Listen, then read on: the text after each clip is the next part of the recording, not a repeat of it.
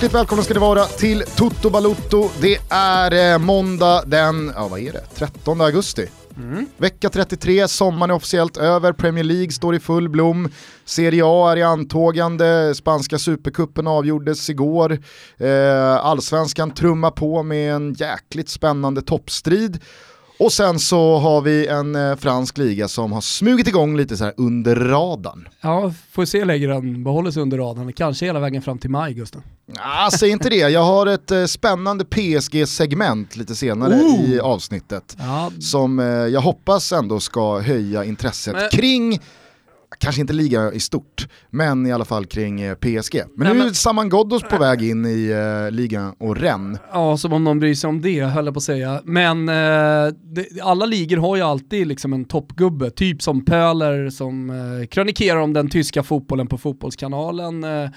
vi har Adam Pintorp på, på Spanien. Och den franska fotbollen har haft, eh, jag tror han heter Johan Hansson, alltid liksom stått med trikoloren högt upp och försvarat den franska fotbollens eh, färger. Den italienska ligan har ju en miljard, höll jag på att säga. Det är känslan det är det i alla fall. De låter mycket, eh, Italien-gänget. Eh, men nu har ju till och med Johan Hansson, om man nu heter så, lämnat den franska fotbollen och bara fokuserar på Malmö FF. Ja exakt. Det är jävla deppigt liksom när, när toppgubben försvinner. Dels så tror jag att han heter, eller han heter Jonas Hansson. Oh, eh, men eh, helt rätt, den, eh, den, den franska fotbollen har tynat bort och sen så var det ju Kalmar länge, jag tror att han eh, bloggade för Barometern va?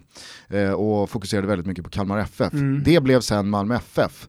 Och nu så driver han ju en väldigt läst och delad så här, träningstråd. Det ska han ha. Jävlar vad han gnuggar kring Malmö FF och han är ju på varje träning och rapporterar vilka som spelar med vilka i smålagsspel och eh, hur många avslut den anfallaren satte kontra eh, den andra anfallaren och vilka joggade vid sidan av och blev det någon intern gruff eller vart det någon het diskussion? Alltså om man knarkar Malmö FF och verkligen lever den klubben så är ju Jonas Hansson eh, en otrolig kran. Ja men ändå, alltså liten mini till att han, han lämnade trikoloren liksom. Samtidigt så är ju det up for grabs då. Alltså den svenska Ligue 1-tronen mm. är ledig. Ja, det, det kan vi Det är bara för någon att ta. Sen så är det nog inte så många som slåss om den där sittplatsen. Ja, framförallt ska man väl kunna franska, det är, det är väl någon slags grund i det här. Man har ju ändå en förhoppning om att Pavlidis ska hitta tillbaka till eh, liksom en, en, en stor, tung roll. Nu är ju hans headlines på Fotbollskanalen tung. den bästa starten man kan få på en fotbollsdag. Men kanske är det han som ska ta över facklan mm. och köra ligan. Vad vet jag, skitsamma. Kanske borde sluta träna så jävla mycket som han gör. Nej, det ska han inte göra. Han ska, han ska olja den där eh, drömtorson så eh, det bara sjunger om det i många, många år till. På tal om drömtorr så träffade jag Johan Mjällby eh, för några dagar sedan eh, på en golfbana utanför mm. Stockholm. Jävla, eh, har mycket att säga Jävla kropp alltså. Jo, det, det, har han ju. Men han har också ganska mycket att säga kan jag tänka mig. Han är också en av få som kommer undan med den stenhårt uppfällda kragen på en piké. Kommer han verkligen undan? Ja det gör han. Ah, den okay. står hela vägen upp eh, till örsnibbarna. Annars... Eh... Och det känns rimligt. Han har inte en knapp knäppt heller, så det är liksom, han hintar ju om vilka pex det är under den där eh, golfpiken. Annars så symboliserar han ju 60-talet, alltså 60-talisterna. Jag kommer ihåg när Adam Pöler Nilsson, vår vän som vi alldeles nyss pratade om här, tysk vän, eh, gjorde en voxpoppa eh, inför vårat avsnitt 100 som blev mycket uppskattat, många garv på, på Oscars. Där helt plötsligt då eh, Johan Mjällby dyker upp och eh, jeansen som vi har pratat mycket om, alltså att eh, 60-talister kan ju inte köpa jeans som sitter bra. Äh, de är ju så jävla trötta, det, det, de är lite utsvängda.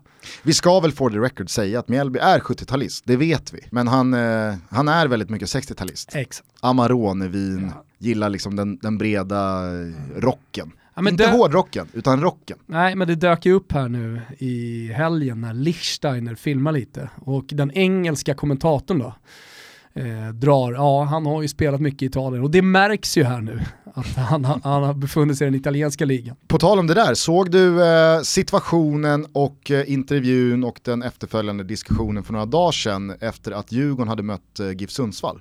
Nej. Och eh, Linus Hallenius hugger på en retur Jonas Olsson sliter tag i honom. alltså tar ett grepp ah, som verkligen förhindrar ja. eh, honom från att komma till ett eh, så bra avslut som möjligt. Men han står upp och försöker komma till avslut, det går över eh, och han vänder sig om mot domaren, slår ut med armarna och, och liksom eh, ber om en straff. Och Jonas Olsson skäller ut honom och det blir ju inte straff och sådär. Men eh, efter matchen då, då, så svarar Linus Hallenius på de där eh, frågorna att ja, alltså jag vill ju inte lägga mig ner, jag vill inte förstärka, men en sån här situation gör ju att man kanske får en annan förståelse för de offensiva spelarna som måste välja mellan att komma till ett sämre avslutsläge, ett sämre avslut och eh, således alltså sämre chans att göra mål kontrat då att lägga sig eller förstärka eller vad det nu är för att få med sig straffen och då kanske få lite skit medialt, mm. eh, bli någon som ja, men filmar och det här hör inte hemma i fotbollen, bla bla bla. Men som vi var inne på här eh, kring eh, Neymar under VM, va? Att det är ju sån otrolig skillnad på att vara spelare ute på plan och att vara en supporter på läktaren eller från en tv.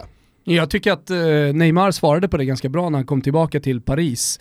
Uh, han, han talade om det och sa att ja, jag, jag filmar en del. Uh, men ni ska veta vad jag får utstå också uh, ute på planen. Även om det är hundra kameror som, som i stort sett visar allting nu för tiden.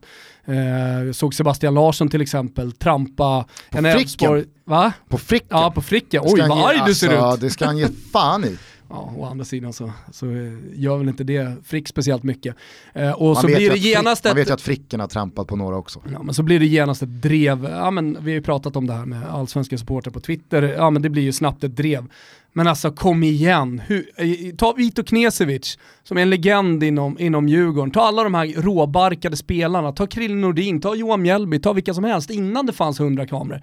Det är ju så det har sett ut alltid, det är en del av sporten. Alltså alla som liksom på något sätt hävdar att oj det där var fult av Sebastian Larsson, det där har inte, hör inte hemma på en fotbollsplan.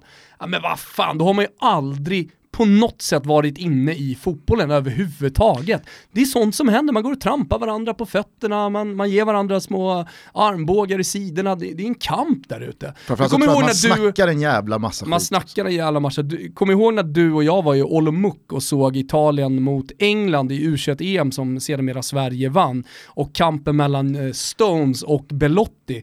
Alltså vi hade ju inte ögon på någonting annat än Stones Belotti under den matchen. Jag det tror... var ett ständigt jävla surrande och det var liksom eh, tjuvnyp och puttar och ah, det, hela matchen. Eh, jag tycker att superproducent Kim Wirsén kan lägga in en liten fanfar här i och med att eh, vi nu firar 20 gånger som Thomas har gått tillbaka till Olomouc och kampen mellan Belotti och Stones.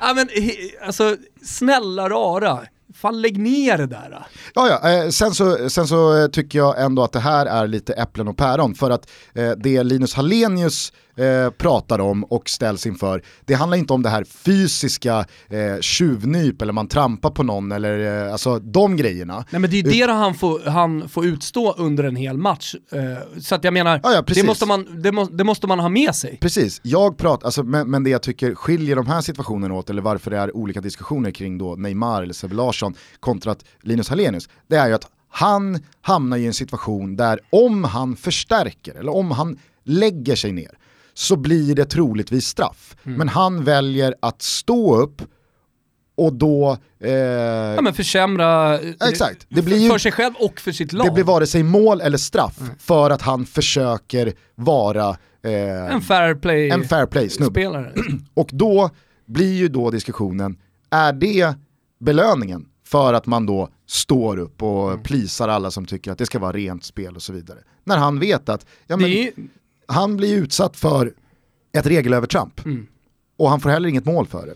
Så det är, det är en ja. speciell uh, liten situation där. Jag, jag, jag fortsätter att stå på den sidan att uh, jag, jag vad du vill ute på planen liksom och sen så får domarna ta det. Mm. Uh, jag vet inte, jag kommer inte ihåg hur vi kom in på uh, Linus Hallenius och Vi pratade väl om eh, allsvenskan, gjorde vi inte det? Nej, kanske vi inte gjorde. Ingen aning, men vi kan väl bara starta den här äh, härliga måndagen, precis ja. som en måndag ska startas, med Toto Balutto, kom ihåg det, vi kommer alltid finnas här måndagar i stort sett, det har varit lite speciellt på sommaren. Men på måndagar för alla nya lyssnare så börjar vi alltid med ett svep. Nu har det inte varit speciellt mycket fotboll under helgen, eh, så inte jättemycket att gå igenom, men däremot har Premier League haft eh, premiär, så jag tänkte ett lite, lite specialsvep här då. Ja, ser långt ut. Uh, det är väl lite mer av en krönika va? Okej. Okay. Mm. Vissla igång Kimpa. Sommaren kom med ett mästerskap som visserligen lindrade abstinensen men som aldrig lyckades eliminera saknaden efter riktig fotboll. Vi har byggt upp förväntningar och skapat visioner, vi har vridit och vänt på våra fantasylag och gjort egna små personliga grävjobb om nyförvärven till våra favoritlag. Så till slut kom den, säsongspremiären. Lika mäktig i sin uppenbarelse och lika sprängfylld av hemligheter som alltid. Kanske fanns ingen Arsène Wenger och till Themsens flodbädd anlände en doldis från Neapel med bräkig toskansk dialekt, en cigg i varje mungipa och den lilla mockabryggaren i becknarväskan. De boende med postnummer N17 i London hade fått en ny granne när Spurs äntligen flyttade hem. Saker hade hänt, Premier League såg annorlunda ut, i alla fall på ytan. Sen rullades bollarna igång och man insåg ganska snabbt att allting faktiskt var sig likt under den nya stassen. Kapitlet Mourinho har man redan läst några gånger. Det är lika långrandigt varje gång och Pep Guardiola, han verkar inte ha pilgrimsvandrat och funnit någon ny banbrytande idé om hur fotboll ska spelas. Jürgen Klopp, han är också sig lik med sina yviga gester, stora skratt och hans lag gegenpressar motståndarna hela vägen ner i knät på de Kopp. Tendenser då, finns det inga intentioner som sticker ut? Jag tänker så här, det ska såklart mycket till för att slå Manchester City, som öppnat famnen för Riyad Mahrez och behållit sina stjärnor. Premiärsegern mot Arsenal kändes som en söndagspromenad genom Hyde Park en frisk höstdag. Svettfritt. Där fanns till och med utrymme för Agüero att missa friläge och för Pep att spara på det värsta krutet. Jag lämnar denna första omgång utan att dra några större växlar, men också med den starka övertygelsen om att Premier League 18-19 blir ett race om två. Liverpool och Manchester City, inga fler. Från Europafotbollen noterar vi även start och 68 friska minuter för utrikeskorren i förlustmatchen mot Besiktas. Att Albin Ekdal nu är läkarundersökt och borde väl vara klar för Sampdoria när vi släpper det här, för reapriset 25 miljoner svenska riksdaler att PSG och Marseille inledde Ligue 1 på bästa möjliga sätt. Och tänka sig hur sjukt det än låter så har Super Mario Balotelli fortfarande ingen klubb. Således är sommarens bästa värvning fortfarande inte gjord.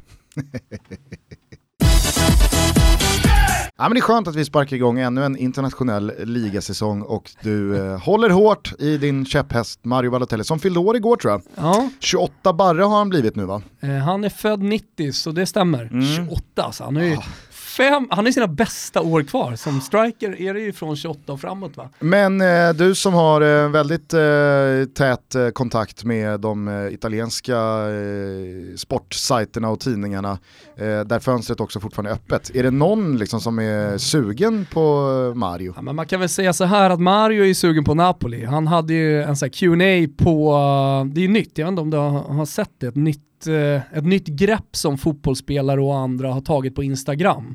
Att man kör Q&A där och sen så lägger man ut det via stories.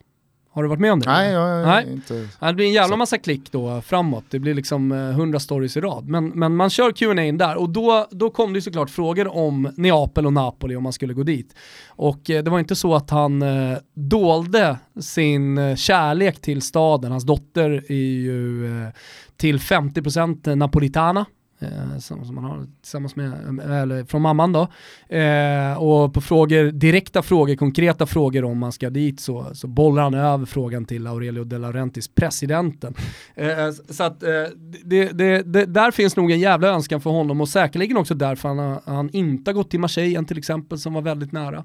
Jag vet att Parma har gjort försök att liksom närma sig honom eh, men eh, problemet där är ju lönen. Alltså han vill ju fortfarande tjäna stora pengar. Han är 28 bast, han är inte beredd att gå ner och och, och tjäna någon, någon slags medellön i, i Serie A. Nej. Ah, ja, spännande att följa vart eh, Balotelli hamnar. Det vore ju mäktigt om ja, han men, eh, liksom slutar. Det ska vi komma ihåg. Alltså, Nej, ingen vill ha mig. Nej då, det kommer han inte göra. Han tränar för sig själv. Väldigt roligt att följa. Han höll ju på att dö häromdagen. Du följer inte honom? Nej. Han körde vattenrutschbana och eh, på något jävla, han gick fort, på något jävla konstigt sätt gjorde han en volt då i luften med flit. Men höll ju på flyg, ja men tänk att han gör en framåtvolt. Så liksom huvudet går ju med en jävla fart ner i bassängen som han landar i. Problemet är att han flyger så jävla långt så han är ju bara några centimeter ifrån att drämma skallen rätt i poolkanten och där tror jag fan det hade varit över om han hade gjort det. Ja. Där la han ut och, och var glad. Men eh, jag tänkte bara påminna alla om det. Eh, att eh, är ju visserligen stängd då i England den som folk följer närmast. Men den lever ju ute i Europa, alltså italienska fönstret är ju fortfarande öppet. Jag måste säga det kring eh, det stängda fönstret i Premier League. Alltså, det, det, är, det är helt sjukt att Chelsea hostar upp 850 miljoner ish för Kepa, alltså Bilbaos målvakt. Jag kan, inte, jag kan, jag kan säga så här, jag har sett eh, Bilbao-matcher, men jag kan inte säga att jag vet vem Kepa är. Jag kan inte se honom framför mig Eh, alltså han, hans rörelsemönster och sådär, det har inte fastnat. Nej, alltså, jag hade någonstans köpt ifall Chelsea hade hostat upp samma pengar för eh, Jan Oblak ja. från Atletico Madrid. Som det rapporteras om då var första valet och ja. den de skulle köpa. För jag tycker inte att summan är rimlig, men jag tycker att det är rimligt att en av världens absolut bästa målvakter som har varit riktigt bra i ett av världens absolut bästa lag i tre säsonger nu går för eh, lika mycket pengar som eh, en Allison eller ifall nu en de Gea hade lämnat så hade han också kostat någonstans där. Men att liksom en målvakt av Kepas, både kaliber, namn och karriär går för nästan en miljard. Det känns, bara, det, det, det känns liksom så här känns bara konstigt. Ja, nej, jag tänkte likadant kring Pickford förra säsongen eh, när han eh, lämnade för... Ja, det här är dubbelt så mycket. Ja, nej, men när Pickford gick från Sunderland till Everton. Ja men 30 var det va? Någonting ja, sånt, 3 miljoner pund. pund. så att jag menar det... Ja, Nästan fyra alltså 400 mils, det, det kändes skevt på något sätt. Sen har ju eh, Pickford, alltså dels med att priserna har gått upp och man har förstått att det, det, det är helt andra summor nu för tiden än, än, vad det har varit. Och det var ju förra sommaren som någonstans kickstartade det där, eller fick upp allting. När det, då blev det ju eh, liksom aktion av de stora spelarna och, och ja, men det här klassiska lavinmönstret, att en spelare går och så börjar man kapprusta och så slutar det med liksom att Chelsea köper Morata bara för att de på något sätt också vill vara med och visa att man kan spänna musklerna rent ekonomiskt. Eh, men nu tycker jag att det har spårat, nu känns det som att eh, från det här kan vi, alltså vad, vad är nästa steg? Det, det, det, kan inte finnas något steg till. Nej. Utan nu måste vi någonstans ha slagit i taket, eller? Alltså, jag, jag skulle inte bli förvånad om det fortsätter ticka uppåt. För det brukar ju göra det, det brukar ju sällan vända. Nej det har jag aldrig gjort, eh, men, men eh, ja, jag vet inte, det är som bostadsmarknaden i Stockholm. Alltså jag tror någonstans att vi har nått taket, att vi, vi måste vända neråt lite grann. Annars Utan ju... att göra någon större ekonomisk analys, det låter jag, låter jag andra, men jag har läst en del om det, mm. att, att, det, att det, det, det, är ohållbart. Annars var det ju i Chelsea, det hände sista dagen där eh, på transferfönstret, alltså man släpper Courtois, tar in Kepa, man lånar även in Kovacic mm. från eh, Real Madrid. Då. Och jag är lite brydd där, för att jag tycker att, eh, det, alltså, nu, nu får ju framtiden eh, visa om, om det här var smart eller inte, men jag, jag, jag, kan känna att vad fan, ska inte Kovacic börja hitta ett ställe där han kan få explodera och blomma? Nu kommer han till ett lag där det är ganska, det är ganska trångt på det där centrala fältet också. Jag, Upp till jag tycker... honom att ta den platsen lite grann kan, kan jag tycka också. Eh, och jag tror, alltså för Kovacics del så handlar det om att behålla lön och sådär också. Jag tror inte man ska underskatta det. Eh, och, och, det kanske inte fanns så många andra intressanta alternativ i världsfotbollen. Och att han helt enkelt tror, tror på sig själv och kanske har pratat med Mauricio Sarri och det finns en jävla plats för honom att eh, blomma och, och trampolina sig tillbaka i världsfotbollen igen. Ja, kanske. Det känns ju annars som att eh, det kommer sitta ett par har frustrerade spelare på den där Chelsea-bänken. Ja men det har man ju sagt om så många lag. Kolla på Manchester City, kolla på Liverpool den här säsongen. Alltså, eh, det är så många matcher över en säsong och det händer så mycket, det är avstängningar, skador, ja, men alltihopa. Jo men där, det, det där är det också Klopp och Pep och deras liksom, eh, förkärlek till att rotera. Ja. Och så har vi Sarri som inte byter ens liksom, halta spelare. Ja, alltså han hittar, i alla fall så har det varit historiskt, han hittar en elva och sen så eh, står han fast vid den. Ja, och nu har man då alltså en eh, Jorginho du har Kanté, du har Bakayoko, du har Fabregas, mm. Kovacic. Det finns ju en rad spelare eh, som eh, då kan gå centralt. Eh, och det ska men bli de, intressant de, att se vilka som får Europa ja. Men de du nämnde där, där känns ju ändå Kovacic som att det finns en plats för honom om jag ska vara helt ärlig. Ja, ja det är ju men sen måste han ju liksom mentalt vara beredd Madrid. för det. Mm, absolut, lättare än Real Madrid. Eh, annars så tycker jag att det var en eh, Premier League-premiär som eh, befäste väldigt mycket av det man redan visste och hade på känn, som du var inne på i ditt väldigt eh, liksom, vackra svep här. Nej men att City är mycket bättre än lag som Arsenal och Chelsea. Det har man nu visat på en vecka. Eh, att Manchester United vinner men det ser inte speciellt roligt ut. Att Liverpool verkligen menar allvar. Helvete som de såg ut. Alltså... Ja och då ska man komma ihåg att det har ju Klopps lag ofta gjort och det har följts upp med dalar. Det jag tycker att de har utvecklat, eller Klopp har utvecklat med Liverpool under våren och förra säsongen, det är ju de här matcherna mot de sämre lagen som ska vinnas. Bara vinnas. Vi åker bara till Stoke och tar tre poäng. Det har ju blivit mycket bättre på och det är de rustade för på ett helt annat sätt. Alltså dels att de har fått eh, flera eh, år med Klopp här nu så att man har, man har tränat efter hans eh, modell och man har lärt sig hans taktik också.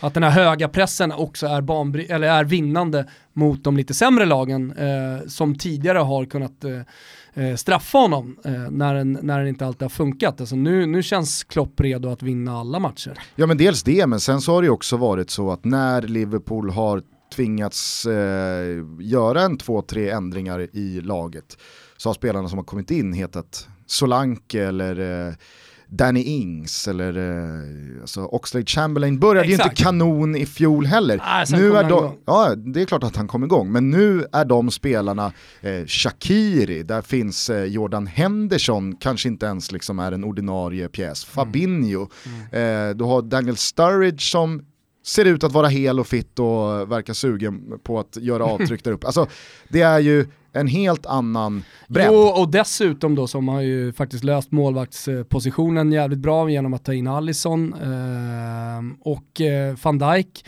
kan man prata hur mycket som helst om den där prislappen, men han har ju faktiskt sett till så att det blir eh, betydligt stabilare bakåt. Jag tycker att... Vet du vad jag märkte av? Nej. Jag sa ju i förra avsnittet där med eh, Hoffman, när vi snackade upp Premier League, eh, så menade jag på att, eh, jag tycker både att eh, Laporte och Stones är bättre än van Dijk. Fan om jag inte sålt dem än det också. Skitsamma. Mm. Det, det, det, det, kan bli den nya eh, grejen då. då från. Liverpool-håll under den här säsongen som förra säsongen var att jag menade på att eh, Mohamed Salah inte var en avslutare i mm. världsklass. Eh, för att det har ju redan börjat hagla in då att eh, Van Dijk är mycket bättre och de har inte släppt in mål på Anfield sedan februari. Som man har matats av eh, motargument. Och det är väl härligt att man kan tycka olika. Jag du... tycker att Laporte och John Stones är fantastiska mittbackar. Van Dijk är bra också. Men jag hade nog föredragit de andra två Ehm, jag kan säga så här, när vi gjorde det avsnittet, det måste folk förstå, för att det ska bli någon dynamik så kan inte alla hugga in och tycka på allting, då blir det tre timmar. Och det tror jag inte folk eh, orkar lyssna på. Men jag håller inte med det där, jag, jag håller van Dijk högre än båda två, både Stones och, och Laporte. Eh, så att, så att, eh, då kan vi väl fortsätta då, eh, eh, vi kan väl stänga Salah som Fantomen. Ola Lidmark, Lidmark Eriksson. Lidmark Eriksson eh, att jag inte kan hans efter, efternamn och han ändå är min husgud. Det kanske är lite svagt. Eh, men som du gör program med på Fotbollskanalen som jag tycker alla ska kolla på. Eh, stängde, alltså han, han sa ju att det finns ingenting som pekar på statist, statistiskt att eh, Salah är en sämre avslutare än andra. Så då måste du gå på någon slags mjuka värden som ingen annan håller med om Gusten. Det var mer eller mindre det han sa och då blir det mina ord också. Men då, då blir årets då att van Dijk är en bättre försvarare än Stones och Laporte. Fan vad skönt. Mm. Eh, sen så måste jag bara ta upp det från den här Premier League-premiär helgen. Det hände ju också en jävla massa eh, borta hos Everton sista eh, dagen av eh, transferfönstret. Man plockar in Jeremina, otroligt eh, mäktig transfer måste jag säga. Kommer från dels Barcelona men också ett bra VM med Colombia. Han har ju spetsegenskaper eh, i offensiv mm. riktning som är otroligt tunga, som, som inte liksom rimmar med att man går till Everton. Nej. Utan det var ju fullt logiskt att eh, det snackades Manchester United.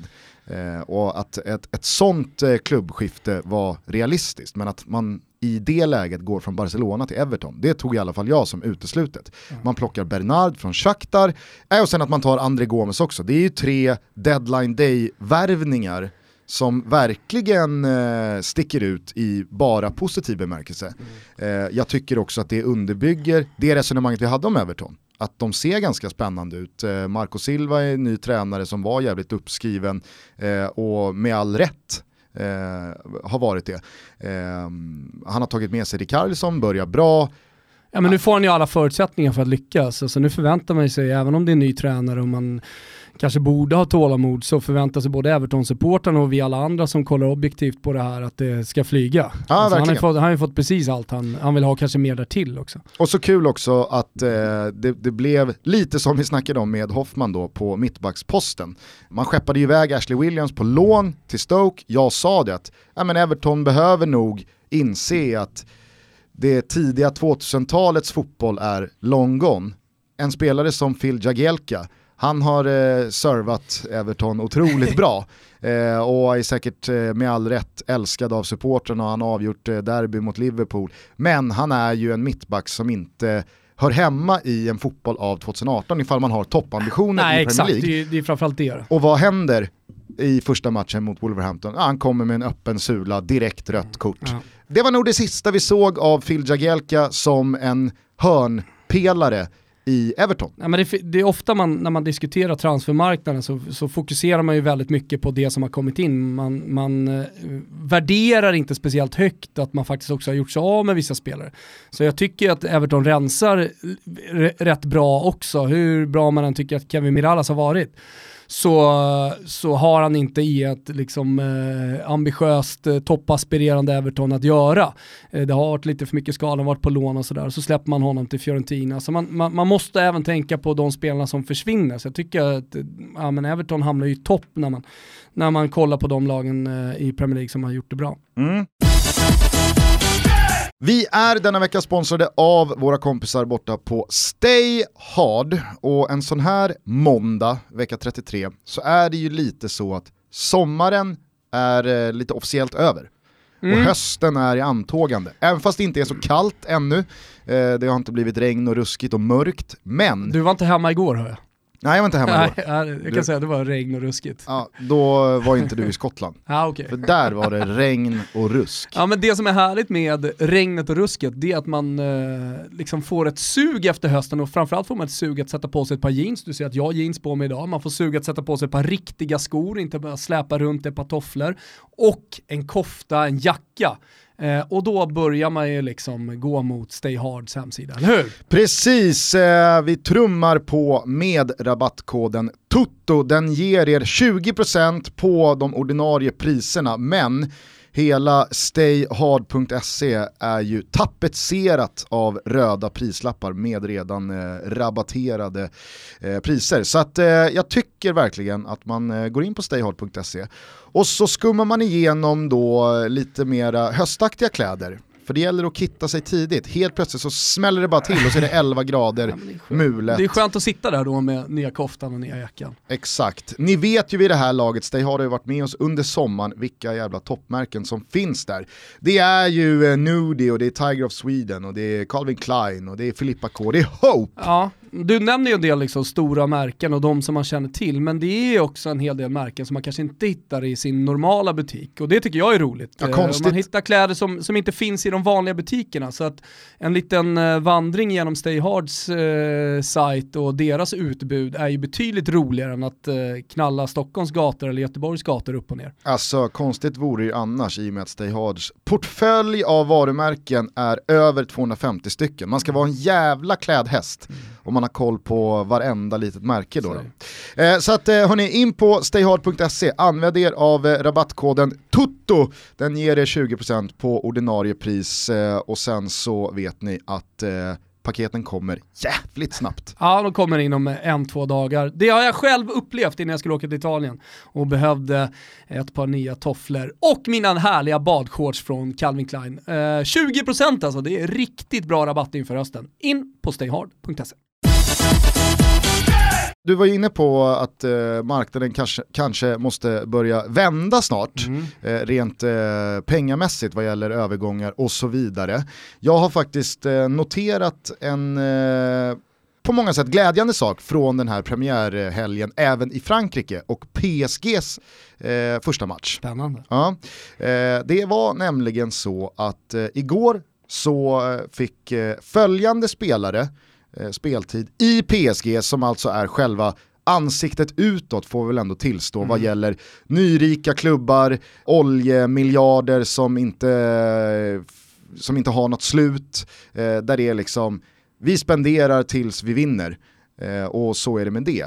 Nu har ju Thomas Tuchel, som många vet, kommit in på tränarposten. En tränare som är känd för att vilja jobba med unga spelare, egenfostrade spelare, spelare som han kan forma och spela en fotboll som då kanske inte Filja Gelka klarar av. Eh, och det här har ju märkts eh, omgående.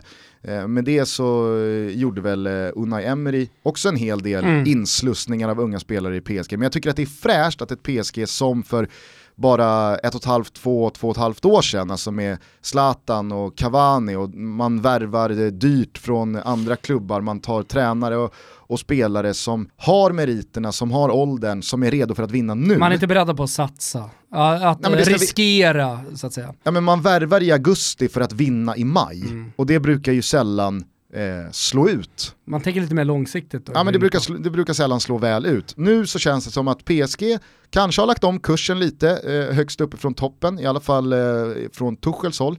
Eh, igår startade då eh, Stanley Nsocki, vänsterback, eh, egen produkt, född 1999 tror han gjorde en match i fjol i slutet av förra säsongen, något inhopp. På högerbacken så startar Colin Dagba, född 98 egen produkt. Eh, Antoine Berned startar, eh, eller om man hoppar in eh, på mittfältet, född 99, egen produkt. Och sen så kommer då Timothy Vea in. Ja, han Grabben. är son till George Vea. Han är född 2000, eh, han kom från eh, Red Bull, New York alltså, 2014. Han är eh, amerikan i passet, men eh, som alla vet så är ju farsan George Vea Liberias president ja. numera. Och, och Ballon d'Or-vinnare från typ 92? Ja, hej, inte 90, så tidigt va? 94? Senare. 95? Senare, 95. 95, 95 i Milan. 95 i Milan. Ja, 95-96. Eh, han hoppade in, gör mål och eh, är ju liksom då eh, ännu en stor eh, jävla glädjespridare. De är några söner nu där ute.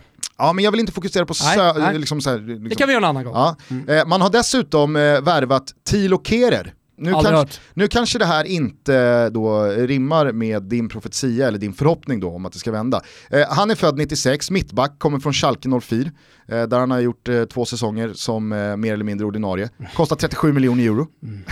Mm. Och man har ju dålig koll på Tilo Kerer, det får man ju ändå erkänna. Eh, men jag tycker ändå, trots den här prislappen, mm. eh, så tycker jag att det säger någonting jävligt spännande och glädjande om PSG eh, och Thomas Tuchel, att han menar allvar. Det finns garanterat eh, oändliga tillgångar i pengar. Sen så vet jag också att via Fifa Financial Fair Play eh, inte, alltså man kan inte köra på hur man vill. Eh, men jag tycker ändå att det är ett eh, spår som både känns roligt och spännande och jag tycker att PSG gör helt rätt. I och med att man har en sån bra förutsättning i sitt ligaspel i 38 omgångar att här kan man ha råd att spela in egna 17, 18, 19, 20-åringar och det behöver inte kosta eh, en ligatitel. Får jag fråga då bara, eh, i och med att det har varit ett VM så misstänker jag att det finns en del spelare, Monier till exempel, som inte har kommit tillbaka i matchform och det är därför de här startar. Finns risken då att eh, PSG, när Champions League drar igång, inte har de här lirarna i startelvan? Ja, men det förvånande med PSG faktiskt är ju att det inte är speciellt många eh, VM-spelare eh, som ska in i den här. Alltså Neymar, han spelade han igår. och gör mål. Eh, du har eh, alltså, Thiago Silva och mm. Rabiot spelade inte ens VM. Där har man eh, Lastiara som inte heller spelade något VM. Eh, Cavani spelar. Mm. Det är väl eh, Mbappé som ska in och Munier mm. kanske. Kanske. Ja. Om man inte ut... Eh, konkurreras, konkurrerad. konkurreras bort av ja. Colin Dagba. Ja, jag hoppas det. Fan det vore glädjande. Eh, nej men så att, eh, jag, jag, tycker ändå att eh, det kan vara värt för många, eh, för att då knyta ihop den här Ligue 1 säcken mm. eh, som släppte den ligan helt och hållet när Zlatan lämnade. Och så tänker man att ja, men PSG det är ett eh, köpe miljardbygge som är så jävla ointressant att kolla på. De har vunnit ligan i oktober och så vidare. Att det kan ju vara kul att hålla ett litet öga på denna nya ja. eh, ungdomsgeneration i PSG som, eh, som en liten motpol till det här att, ja, men, att PSG är den stora fienden. Ja, men sen finns det ju någonting äkta med supporterkulturen i Paris också. Det var ju banderollbonanza igår under den här matchen. Eh, där Ultrasen förra säsongen då fick komma tillbaka till viss del, även om det var under kontrollerade former. Men det, det, det känns som att den franska läktarkulturen i och med att eh, PSG-supportrar på något sätt är, är välkomna igen, också liksom tar, tar ett steg i rätt riktning ska jag säga. Där det har tagits väldigt många kliv i fel riktning. Dels från Italiens håll, ja Premier League sen, sen flera år tillbaka. Eh, att det ändå finns supportrar där ute som fortfarande står upp. Eh, jag var ju i eh, Alperna, alltså, vi har ju pratat om det eh, några gånger, men alltså min polare som har en banderoll i fickan får ju alltså Daspo på ett år. Han får inte gå på några matcher och det, det är liksom efter en han har inte gjort någonting men efter en muddring och det visar sig att han har en eh, lila rökbomb som Eh, eh, som, som ligger i innerfickan. Eh, som numera då ställer till hans arbete. Han åker mycket till London och måste han till ambassaden när han är i London och, och stämpla och så vidare. Alltså det, det, det, det, det är så jävla svårt och det, kräver väldigt mycket om man ska stå upp för de värderingar man har och den supporterkulturen som man lever. Eh, men att man fortfarande gör det, det, det, det, det är starkt. Mm. Eh, vad tycker du bara om det här då? Ah, det förvånar mig, alltså med tanke på hur inne, jag vet att du har varit i Fantasy Premier League, att det bara inom citationstecken har varit Premier League i helgen eh, några supercupfinaler, lite fransk fotboll, ändå har eh, lyckats fokusera på det här. Eh, intressant spaning, jag tycker också att den här nya Gusten som gör den här typen av spaningar ska fortsätta under hösten, att vara lite hungrig på de här grejerna. Ja, eh, det är min ambition också. Jag tycker bara att vi ska hålla oss kvar lite i familjen Vea. Eh, för att George Vea eh, behöver ju eh, för de flesta säkert ingen närmare presentation, alla vet vad han uträttade som fotbollsspelare, numera alltså president i Liberia. Och sonen då, Timothy Vea, spås ju en lysande framtid, har fått en bra start i PSG, eh, representerar som sagt USA, född 2000 och av det lilla, lilla man har sett så ser han ju eh, ut att vara krack, som eh, vår gode vän Christian Borell hade sagt. Men jag väljer då att fokusera på storebrorsan, George Veas äldsta son, Aha. George Vea Junior. Mm. För honom kommer man ihåg. Mm. Alltså, du kommer ihåg snacket om ja. honom. Vi pratade ju för några veckor sedan om Maldinis son, vad hände ja. med honom? Vad hände förresten med honom? Ja, Fick vi något svar? Ja, jag, jag kollar upp det, jag tror han spelar Serie D nu. Uh, satt långt ner i, i seriesystemet alltså. Ja. Uh, så får vi se då vad som händer. Med andra ord, det blev ingenting med honom. Alltså det är en sak att gå ner i C, ja men du vet, har, har varit och snurrat i B. Men nu när man är 20 plus och, och finns i, eh, i mer eller mindre halvamatörserier, eller det är halv, halvamatörserier, då är det ju över. Va? Ja. Så får vi se om det blir någonting av Christian Totti då. Men Eh, då får väl du avgöra om det blev någonting av George Vea Junior, som givetvis har ett namn som förpliktigar. Han är född 87, vilket gör honom till ja, 31 Karriären i år. Han fick ju sin fotbollsfostran i eh, Milan, mm. Eh, gick genom ungdomsleden där, men höll ju inte samma klass som farsan. Mm. det tidiga 2000-talet innehöll klubbadresser som Vålen, Baden, Aldrig hört. Vangen. Baden-Baden. Baden-Baden, har man ju en känsla kring. Eh, men Vangen, Baden och Vålen och Kaliakra Kavarva, det tar man inte ens i närheten inte av. Ens länder. Nej man tar inte ens man, typ vart det ligger. Nej, nej. Vålen, Baden, Vangen, eh, det, där har man ju ändå ett... ett, ett det låter som ett lag, Vålen, Baden, Vangen. Ja, där har man ju ändå ett geografiskt hum, men Kaliakra Kavarva kan ju lika gärna ligga i Georgien som i Afrika. Ja. Men Sen håller han upp då eh, lite spel. Nej, vi, vi, vi, kan nämna också att han tidigt gör två stycken U20-landskamper för USA 2004. Eh, Känns som att konkurrensen då inte var stenhård. Nej, det var väl han och, eh, vad hette han? Eh, Bajan. Nej, Nej det var senare, fan dum Freddie Adu. Ja, Freddie Adu ja, just det. Helvete. Det var väl han och Freddie Adu. Hur som helst så harvar han i de här Vålen, Baden, Vangen-klubbarna, gör ju ingenting av värde. Men när Timothy Vea signas då till PSG, för han är ju superlovande. Han signas eh, av PSG från New York Red Bulls 2014. Så känner jag att jag lägger ihop ett och ett här och förstår varför PSG som klubb värvar George Vea Junior 2015. Stoppar ju ner honom i reserverna där han gör en match. Eh, på alltså det här låter ju som Gaddafi, alltså, eftersom vi ändå är inne och pratar om eh, eh, presidenter med politisk koppling. Ja. Vi har ju några från Kaladze, på tal om Georgien, eh, till eh, ja, men VA för all del som blev president, så var ju även Gaddafi eh, Libyens före detta envåldshärskare, son i Juventus Udinese och andra klubbar. Mm, precis. Perugia. Och, eh, det här eh, är ju eh, i mitt huvud, eh, alltså, man behöver inte vara någon raketforskare förstå, men här eh, har vi ju ett liknande öde. För att i juni 2015, alltså när eh, George Vea Junior inte har gjort en enda match på över ett år, för han har inte tillhört någon klubb. Då tas han ut i Liberias A-landslag. Och vem har då precis blivit högsta hönset i Liberia? Jo, farsan, George Vea. Så att utan att ha gjort en enda fotbollsmatch på över ett år så tar man ut George Vea Junior i Liberias eh, A-landslag i Afcon-kvalmatchen mot Togo. Får dock inte hoppa in. Så att han har inga landskamper för Liberia. Eh, sen så släpper ju PSG som eh, förening honom för att ah, han var väl för dålig. Så att det senaste George Vea uträttade, det var ett par matcher junior. i... George Vea Junior såklart. Det var i det franska, jag tror att de lirar i tredje divisionen va? Tour Eh, i deras reservlag 2016. Så att om man tycker att eh, det är anmärkningsvärt att Balotelli går klubblös eh, så är George Vea Junior fortfarande klubblös två år senare. Men det är ju en spelare som av mer eller mindre korrekta anledningar var A-landslagsaktuell för Liberia så sent som 2015. Och har då uppenbarligen någonting i eh, generna Ja, men, men, vi får väl se om George Weah Junior har gjort sitt. Jag tror, jag tror, att all fotbollskunskap eh, har landat i den yngste sonen. Jag går i alla fall in i den här säsongen med ena ögat på PSGs nya ungdomliga satsning mm. och det andra ögat på vad fan som händer med George Weah Junior. Och så lite på supportrarna. Jaha, du har säkert precis som alla andra Gusten gått och undrat vad händer egentligen med eh, rättigheterna för Serie A och eh, La Liga? Mm, absolut. Det har ju varit officiellt ett tag här nu eh, att det är eh, tjänsten Strive som kommer att visa det här via en eh, egen app som är på väg, eh, kommer att lanseras nu på onsdag.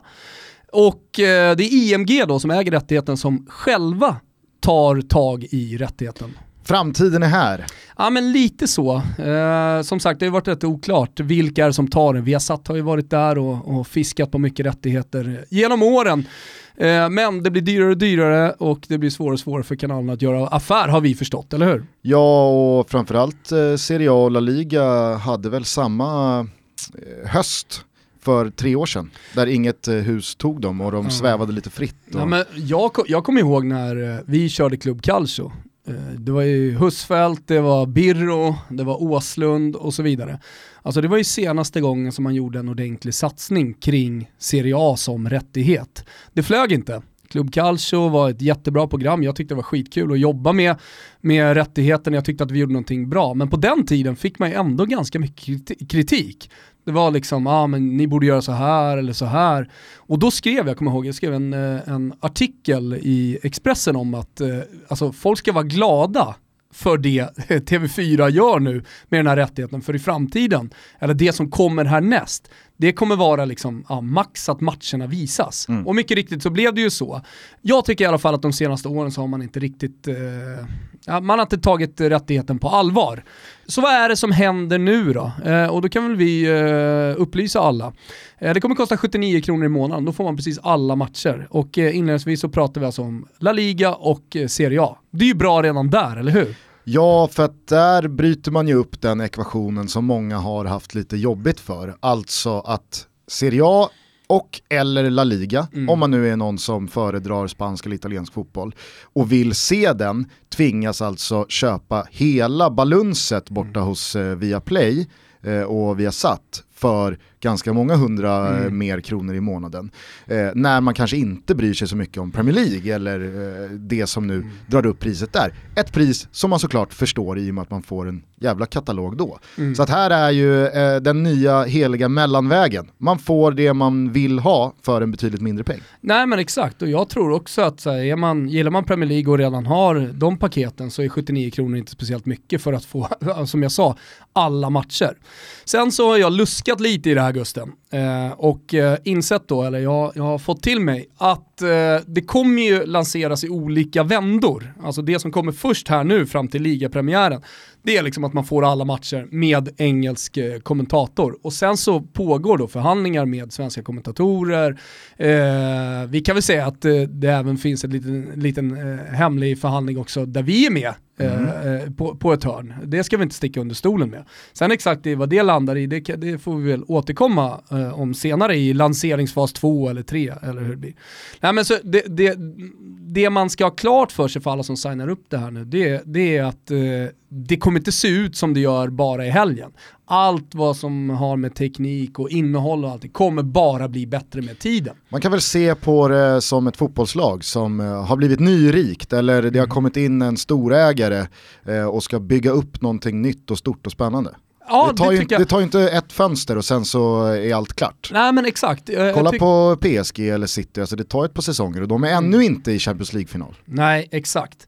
Nej, men, eh, och med det sagt, liksom, onsdag, ja, då kommer man med största sannolikhet alltså kunna ladda ner appen Strive och eh, man kommer Som alltså att heter Strive. Ja, som, som heter lite Strive. pedagogisk här nu och uttalade det fonetiskt. ja, nej, men exakt. Och jag omfamnar verkligen den här, det här framtidstänket. Det är spännande, eh, kul att IMG som äger den här rättigheten testar det här på, på den nordiska marknaden och ser jäkligt mycket fram emot att följa utvecklingen.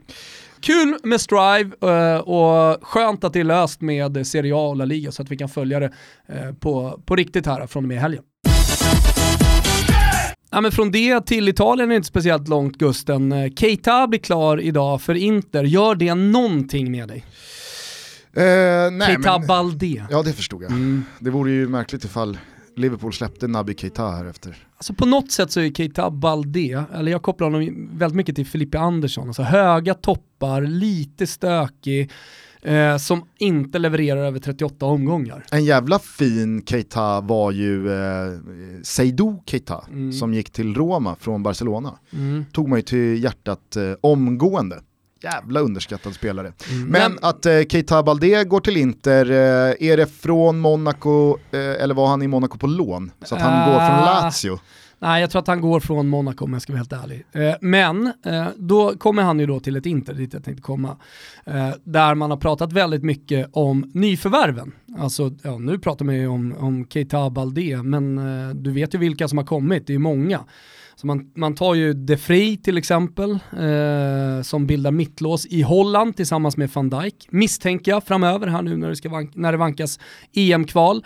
En jävligt bra spelare som man dessutom lyckas lösa på Free Agent. Eh, och sen på mittfältet händer det en hel del, eller hur? Ja, verkligen. Ja. Eh, Icardi längst fram. Eh, Nainggolan är ju, det är en tagg. Ja, fortfarande som inte i. Eh, spelklar då, även om man gör allt för att vara klar till premiären. Däremot så är det en gubbe som har flygit lite under radarn eh, som eh, man ska hålla koll på. Jag vet att det är många som följer Serie A som har sett hans mål i helgen, man kallar det för ett, en ett karatemål. Alltså det är lite Zlatan-vibbar på det inga andra kopplingar till Zlatan på den här spelaren. Men Lautaro Martinez, argentinaren som eh, alltså har landat i Inter, frågan är inte om det är säsongens värvning, eller kommer bli säsongens värvning, när vi anländer till maj. Alltså, nu har jag sett den här gubben Det där är att sticka ut hakan. Ja, jag vet, men då gör jag gärna det. Jag, det jag har sett av Lautaro Martinez, jag vet att många tänker på ja, men så här, sydamerikanska värvningar, man gjorde ju Gabigol-värvningen som blev ett stort eh, fiasko vad fan gör Gabigol idag? Alltså han, han är nya Ed Vargas, om man nu ska stanna kvar i Sydamerika. Alltså det händer ju ingenting. Det sjuka är att jag följer ju inte Balotelli eller många, många, många andra stora spelare. men, men av någon jävla anledning så följer jag Gabigol. Ja, men vad gör han då? Ja, han trummar ju på i uh, Brasilien, ja. han är i Santos. Ja, kanske där han ska vara. Men alltså fy fan vad jag diggar Lautaro Martinez. Vilket steg och vilket anfallspar uh, han kan bilda tillsammans med Icardi. Uh, han är också väldigt ödmjuk när han har kommit, pratar väldigt mycket om liksom, uh, Icardi som lite av en storebrorsa som har tagit hand om honom när han har kommit. En krigare med, uh, ja, men nästan som en, som en tjur på planen, alltså kraftfull, men ändå med, med det här sydamerikanska argentinska tekniken och så i straffområdet en killer. Fan vad jag, jag ser fram emot att se Lautaro Martinez den här säsongen och ja, men då sticker jag ut hakan och säger att det, det blir det stora genombrottet i Serie A den här säsongen. Vet du vad jag dundrade ut för årets värvning för ett år sedan? Uff, det borde jag komma ihåg. Alltså inte, tror... det, är inte, det är inte Italien då, men nej, jag minns nej. bara att jag sa det här är årets värvning. Vilket lag handlar det om? Eh, Swansea. Swansea? Mm. Nej. De löste ju Renato Sanchez. Ja men det var ju i januari. Nej det var i augusti. Var det i augusti? Ja, det var i augusti. De löser Renato Sanchez på lån från Bayern München. Bluff. Och alla kommer ju ihåg hans fenomenala EM 2016. Sen så hade han ju då en lite tyngre första säsong i Bayern München, det är ju mördande konkurrens. Men så vet man då att herregud, får Renato Sanchez bara till det eh, så, så blir det här hur bra som helst. I ett spelande lag som Swansea och, ja för fan. Vilken men det, jävla, det fanns ju några vilken mittfältare. jävla fiaskosäsong. Ja men det alltså. fanns ju några mittfältare, nu ska jag inte säga till samma ålder, men, men William Carvalho till exempel, eh, vi hade Renato Sanchez sen som är väl något år yngre, och Ruben Neves eh, som gjorde superpremiär här för eh, Wolverhampton i helgen med frisparksmål och alltihopa. Det, det är ofta det kommer fram extremt talangfulla mittfältare från Portugal, och av dem då, eller av nuläget att döma, så är det väl Ruben Neves som ligger högst upp bland dem. Ja. Eh, ska du ta namnet en gång till på Inter-anfallaren för alla? Lautaro Ma Martinez. Lautaro Martinez. Man säger bara Lautaro, jag tror att det är det namnet som man kommer gå under. Man vet ju aldrig innan, jag såg att van Dijk körde Virgil nu på, på ryggen. Eh, Milinkovic Savic har ju kört eh, Sergej bara. Ja. Mm. Eh, vad, vad, vad är senaste där? Eh, att han blir kvar, men att Milan gör väl allt för att försöka lösa honom. Att Lazio, i alla fall supportarna bara garvar åt deras försök att låna med utköpsklausul. Det är ju jävligt intressant vilka svängningar en uh, klubb som Milan tar mm. en sån här sommar. Ja. Alltså från, nej ni har inte nuffrorna på plats så att ni blir till och med uteslutna ur Europa League. Mm. Till att man några veckor senare menar allvar med att ta miljardmannen Sergej Milinkovic Savic från ja. Lazio. Jag tror inte att det kommer bli så. Och med man plockar Premier... in. Ja exakt. alltså. Nej men med, med eh, Premier League stängt, alltså den möjligheten, för det var ju det som var mest snack. Från Chelsea till eh, Manchester United, och så, med den, den dörren stängd så, ja men då är det ju bara få lag i Europa som faktiskt kan betala de pengarna som Lotito vill ha. Och det är ju PSG, Real, Barca, ja och i, i det italienska spåret skulle ju då vara någon slags klausul eh, som man jobbar där borta, men svårt att se det så jag tror han blir kvar faktiskt. Mm. Hörru du, i allsvenskan så tycker jag att eh, det är en eh, jävla avgörande tid just nu. Jag eh, vågar påstå att eh, Djurgården efter eh, gårdagens 5-0 kölhalning på hissingen inte kommer ha någonting med någon eh, titelstrid att göra. Östersund som en jävla ungbjörk vägrar de liksom släppa taget om ja, eh, men Det är häftigt och jag menar alla vi som, eh, för det, det, ska jag erkänna, att jag var en av dem, räknade ut dem tidigt här eh, och med tanke på all kaos som blev så tänkte jag mig, det här kommer de inte resa sig från. Alltså den mentala styrkan från klubben och spelarna, att man sluter samman och gör den här sviten, för det började egentligen med strulet med Kindberg. Mm. Det, det, det, vet man historiskt, alltså när det blåser i en klubb och spelare dessutom börjar lämna, nyckelspelare som Ken Sema, eh, Sotte, eh, ja, Ger och Bro, ja, precis. Att, att alla de försvinner, då, då tänker man det här är bara liksom käpprätt åt helvete. Det, det, det är frågan om Östersund kommer kunna hålla sig borta från en bottenstrid. Och så nu är man ändå med. Alltså jag tror man har ett kryss och resten segrar sen Potter försvann. Ja, otro, ja, Potter, jag nämnde inte ens Potter, herregud. Sen så eh, är ju jag också den första att eh, skriva under på att som igår då i matchen mot Kalmar så blir ju tungan på vågen någonstans sammangodd då, så mm försvinner han, det är väl klart.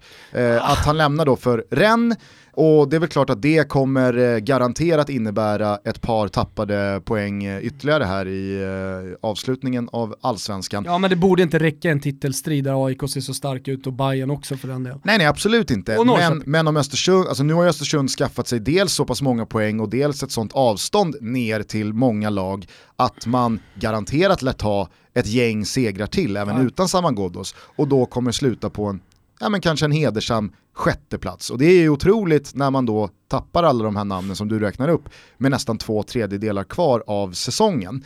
Men i botten så måste jag säga att eh, BP, de, de, eh, de gör ju saker och ting intressanta mm. efter sin bortaseger mot Örebro.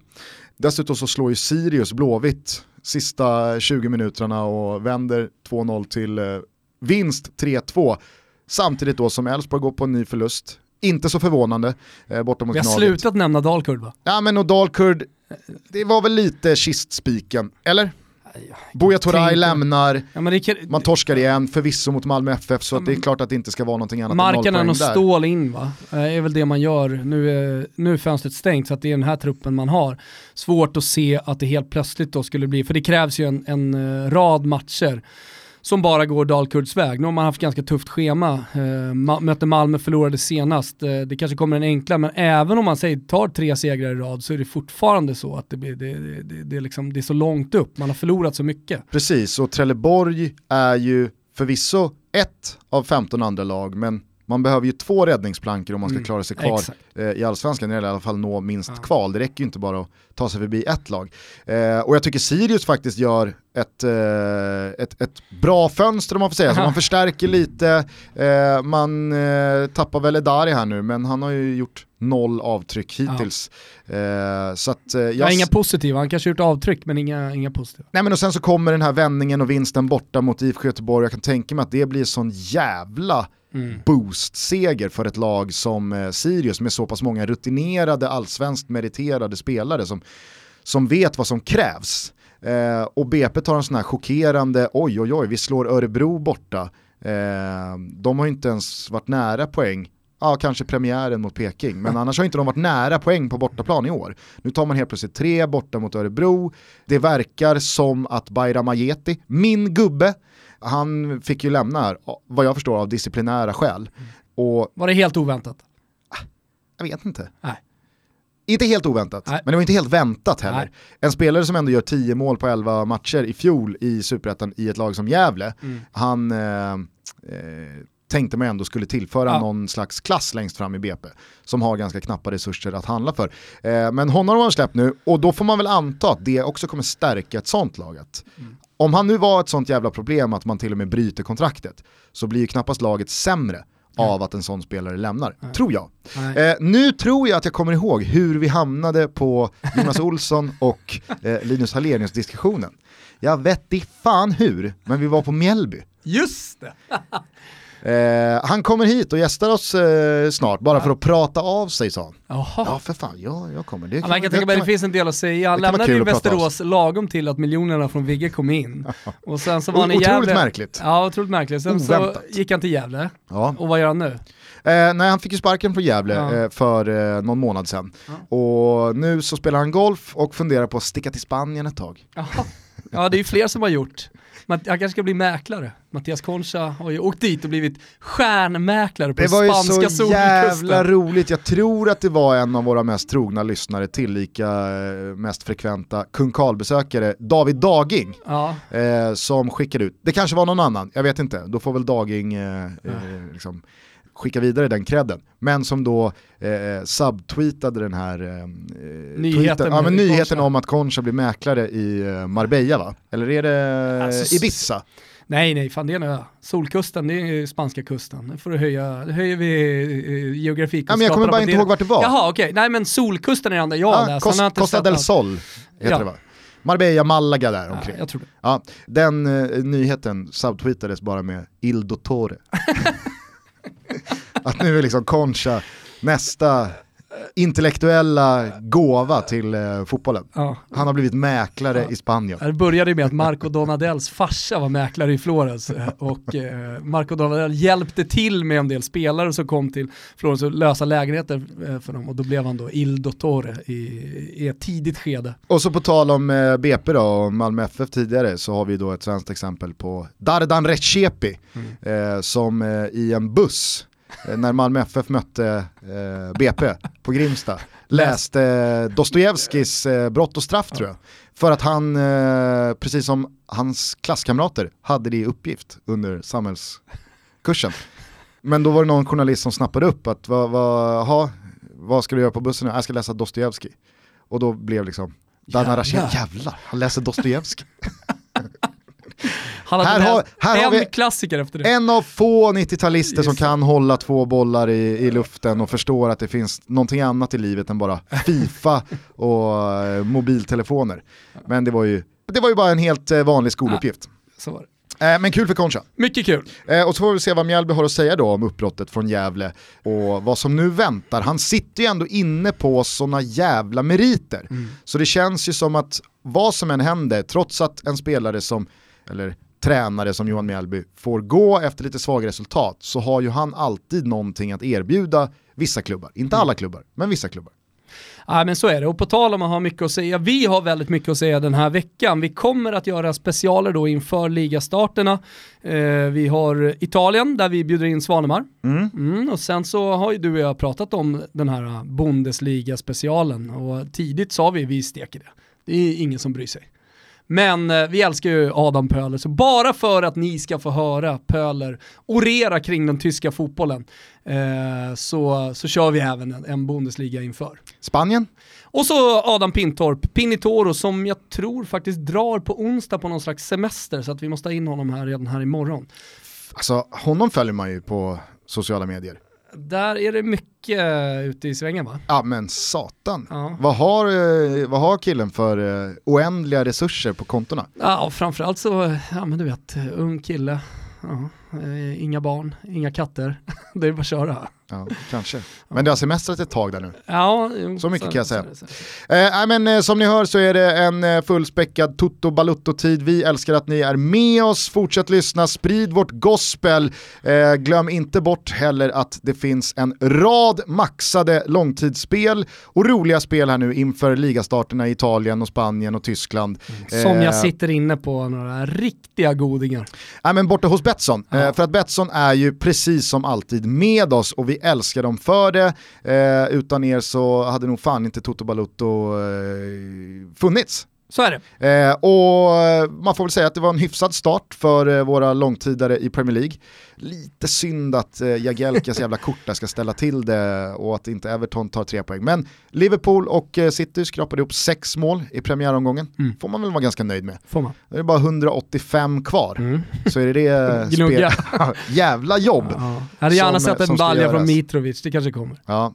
Eh, tyvärr får man väl säga då, då. Eh, alla Bournemouth-supportrar får ursäkta, så löste ju Eddie Howe en trea i premiären. Ja. Men det kommer vända. Förlusterna kommer. Det kommer vända för den där skutan. Nej men eh, in på Betsson.com hörni, där finns det en rad som sagt eh, både boostade odds och godbitar och långtidsspel och vanliga marknader inför helgen. Eh, så att eh, vi, vi, vi, syns där. Ja, vi knäpper upp skjortan här nu Gusten och ser till att eh, ta oss ur den här semesterskruden eh, och så ser vi fram emot en regnig, riktigt härlig fotbollshöst. Ciao tutti! Ciao tutti!